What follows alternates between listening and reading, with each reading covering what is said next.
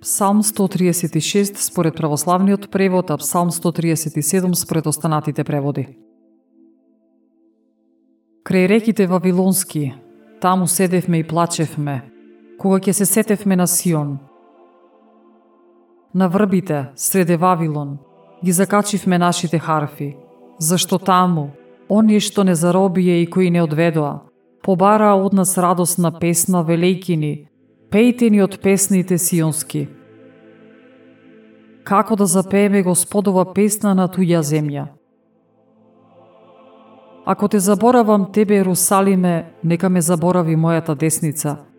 Нека се залепи јазикот мој за непцето мое, ако не те помнам, ако не го поставам Ерусалим над секоја моја радост. Сети се Господи на сионските домови, во денот на Ерусалим, кога тие говореа, разрушете, разрушете го до темелите негови. Кирко Вавилонска, блажен е оној што ќе ти врати за делото што ни го направи. Блажен е оној што ќе ги заграби и ќе ги разбие од камен децата твои.